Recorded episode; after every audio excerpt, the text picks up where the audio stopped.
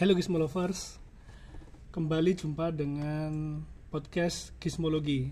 Ini kita udah cukup lama tidak update podcastnya dan sekarang mudah-mudahan jalan-jalan ke luar negeri. mudah-mudahan kita uh, jadi lebih update lagi untuk uh, konten podcast selanjutnya.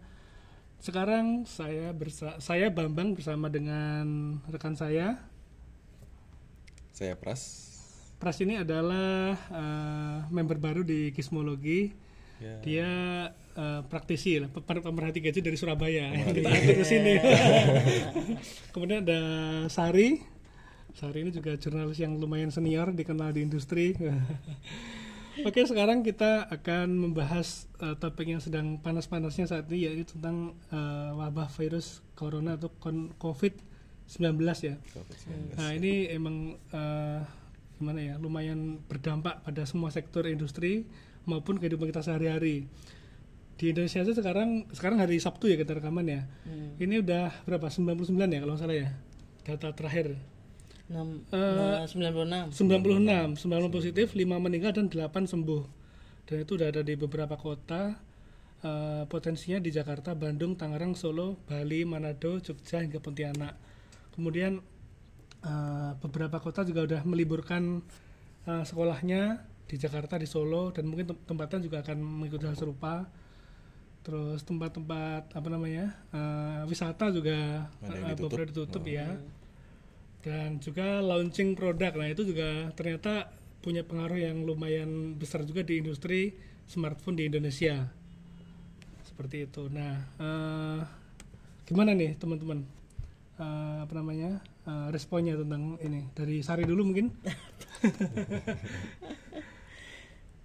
Tapi gue, gue rasa sih kalau misalnya eh, dengan adanya kayak gini jadi pembuktian ya seberapa siap sih teknologinya teknologi yang ada di Indonesia. Misalnya eh, ketika sekolah libur otomatis kan eh nggak diliburkan sih istilahnya eh, harusnya mereka belajar kan.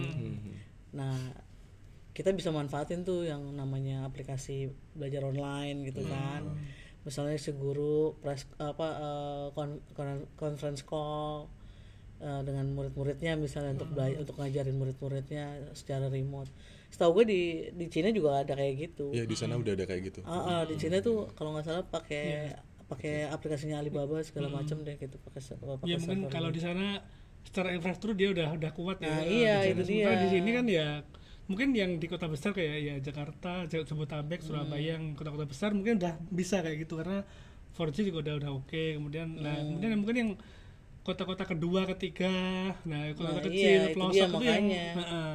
itu harusnya tuh eh, yang namanya Hmm. apa eh, teknologi itu harusnya udah dari dulu tuh kita Iya. udah udah pakai kayak gitu tapi sekarang udah telat mau gimana lagi udah ada kayak gini terus yang eh, sekarang aktivitas work from home kan jadi, jadi ngetren lagi. Hmm. Nah, jadi pasti kalau menurut gue orang-orang bakalan berburu beli laptop buat kerja di rumah kan. Iya. Beli handphone. Tapi gimana orang pasokannya juga nggak ada? Ya gitu. Kalau menurut gue sih secara nggak langsung eh kita juga belajar lah gitu loh gimana caranya memanfaatkan teknologi untuk eh, secara remote gitu untuk untuk kerja remote untuk sekolah remote gitu. Eh, terus barang-barang apa eh, produk-produk di smartphone ini juga gua rasa sih bakalan bakalan eh, pasokannya juga bakalan berkurang. Nggak mungkin lah mereka memaksakan diri untuk apa eh, istilahnya pabriknya kan rata-rata di China kan. Iya gitu. Tapi masalahnya di China udah menurun eh, apa eh, kasusnya. Justru yang di luar itu. di luar itu gitu. Jadi iya. jadi istilahnya sekarang udah kebalikannya gitu loh. Ketika mereka di China bisa ber- berproduksi, nah mau ngirimnya ke mana Iya, gitu. Sedangkan semuanya lockdown lah Iya. rata-rata negara gitu.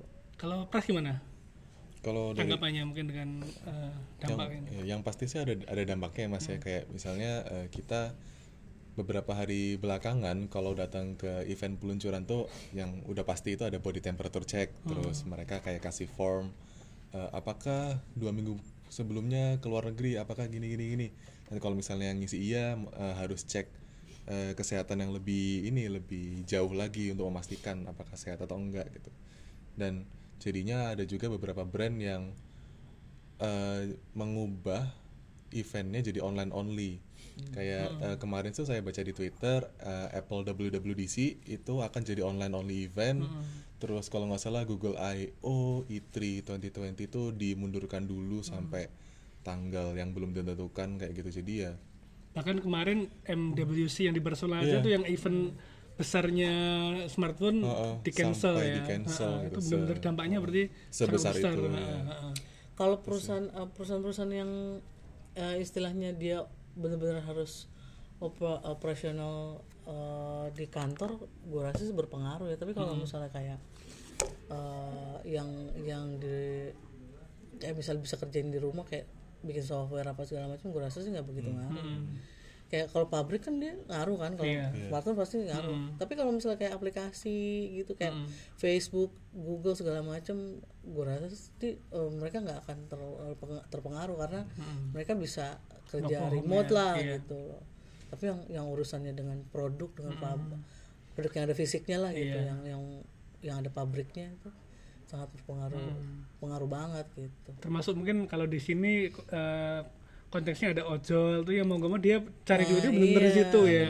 itu nggak bisa work from home kan? Iya, yang seperti itu karena ya emang hidupnya di jalanan gitu. Tuh ya mungkin eh, dari pemerintah mungkin juga memberikan apa ya edukasi atau antisipasi seperti apa bagaimana ini dampaknya gitu-gitu. Kan kemarin ada yang ojol yang eh, kabur itu kan katanya. Iya heeh. karena dia bilang dia nggak bisa nyari duit Iya. gitu sedangkan orang rumahnya mereka kan butuh duit butuh makan gitu nah masalahnya sekarang adalah gimana caranya kita benar-benar manfaatin eh, teknologi yang ada lah istilahnya gitu. Memaksimalkan eh, ini ya untuk tetap produktif walaupun mungkin kita iya. eh, keterbatasan keterbatasan gerak ya karena mungkin di rumah atau ini gitu ya. dan mungkin untuk memahami term work from home dengan benar kayaknya soalnya ada beberapa orang yang karena kantornya declare work from home mereka jadi kayak ke coffee shop Iya, atau mereka kemarin nonton juga apa di iya, Twitter.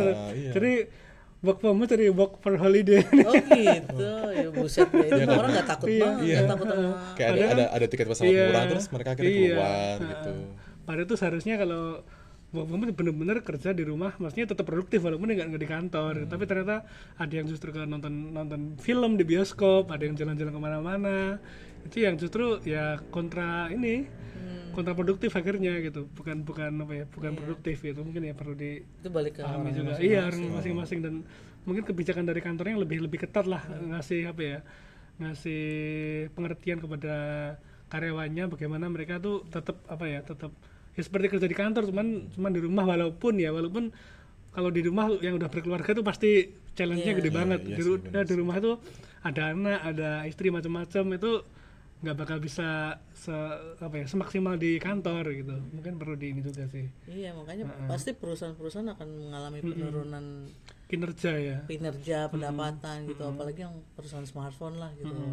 Mereka udah kan ada datanya kan kalau nggak salah Iya. di Iya. Kalau kalau smartphone eh, yang di China tadi ter terkait smartphone ini kalau menurut data dari China Academy Information Communication Technology dia eh, apa ya industri smartphone di China itu sangat berat. Dia turunnya sampai 42,9 persen pemasaran di sa- sana bulan Januari. Kemudian eh, kalau menurut data dari IDC dia eh, kemungkinan akan ada penguruman penurunan sampai 30 persen di kuartal pertama. Counterpoint dia 20 persen. Intinya yaitu ya, intinya bakal intinya semua bakalan turun iya kan, bakal gitu. turun nah, dan nggak di sini do iya. doang sih cuma paling, paling cuman karena China itu dia pabrik heeh, pabrik supply chain semua apa ya semua komponen itu mayoritas dari sana gitu walaupun Apple pun dia juga ngambilnya dari sana jadi itu lumayan eh, pengaruh ini sih secara Tapi secara global sih gitu. menurut gue kan eh, yang turun tuh nggak nggak satu satu iya semuanya brand kan semua semua ngalamin iya penurunan. termasuk Jadi, ya saham pun dia benar-benar hancur semua sekarang iya Gila. jadi maksud gue Heeh. lu mentingin iya kesehatan orang Iya, dan karyawan lu lah iya. ketimbang lu Mm-mm. apa eh, pengen nguasain pasar Iya. juga kalau misalnya semua orang di dunia mati lu mau jadi apa? Sama juga ya nggak laku sama juga. nggak laku Nggak ada juga. mau jadi apa gitu Ya kan, yang kerja juga. sekarang mungkin lebih memaksimalkan yang ada sih kayaknya. Kalau jadi kalau ada kalau ada handphone yang ada di rumah yang masih bisa dipakai ya udah itu aja yang dimaksimalkan. Nggak nggak apa ya nggak tergoda dengan beli yang baru kecuali emang udah benar rusak gitu. Mungkin seperti itu kalau sekarang. Yang penting bisa buat dipakai buat kerja. Dan, dan kita juga berharap eh, wabah corona segera, turun dalam nah itu bisa tuh kalau misalnya ketika kita lagi eh, amit-amit ada lockdown gitu ya.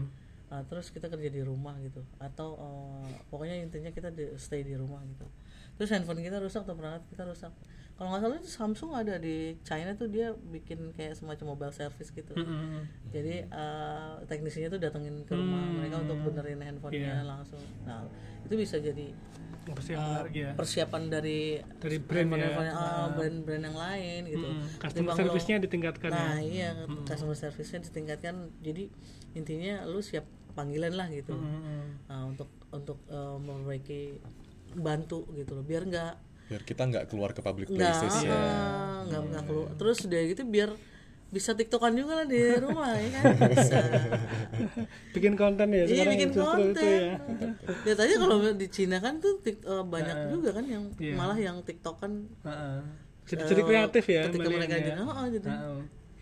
cuman kalau kita lihat di media sosial di Indonesia kan sekarang kayak apa ya ya mungkin kekhawatiran yang sangat sangat besar jadi nggak tahu nih eh, nantinya seperti apa gitu kalau karena eh, karena dari pemerintah pun kayak sekarang kan masih belum transparan nih oh iya terkait dengan penyebaran wabah eh, corona seperti apa gitu. Jadi yang ramai di media sosial ya intinya eh, kalau sekarang lebih ke ini ya apa pemer- pemerintah tuh banyak dikritik lah dengan Iya. langkahnya karena nggak transparan kan Iya. akhirnya buktinya sekarang kan tiba-tiba sehari 27 Iya, sekarang udah yang 6, positif. 96 ya, sangat Ya, cepat ini ya. berapa hari udah 96 kan makanya harusnya dari awal tuh pemerintah Iya. udah Antisipasinya di, eh, dengan dan teknologi seharusnya bisa untuk itu gitu kan. Heeh. kesannya Karena kalau iya, sih soalnya. kalau kita lihat di Singapura itu dia punya data yang detail tuh apa ya pergerakan eh, yang apa yang terdampak positif dari corona dia sebelumnya ke mana ke mana ko- kontaknya ke mana. Jadi dari kita pun enak kalau mau ini ada yang perlu diantisipasi dihindari ataupun mau ngetes juga lebih enak sih kayak ini. Iya di, kalau nggak salah sih di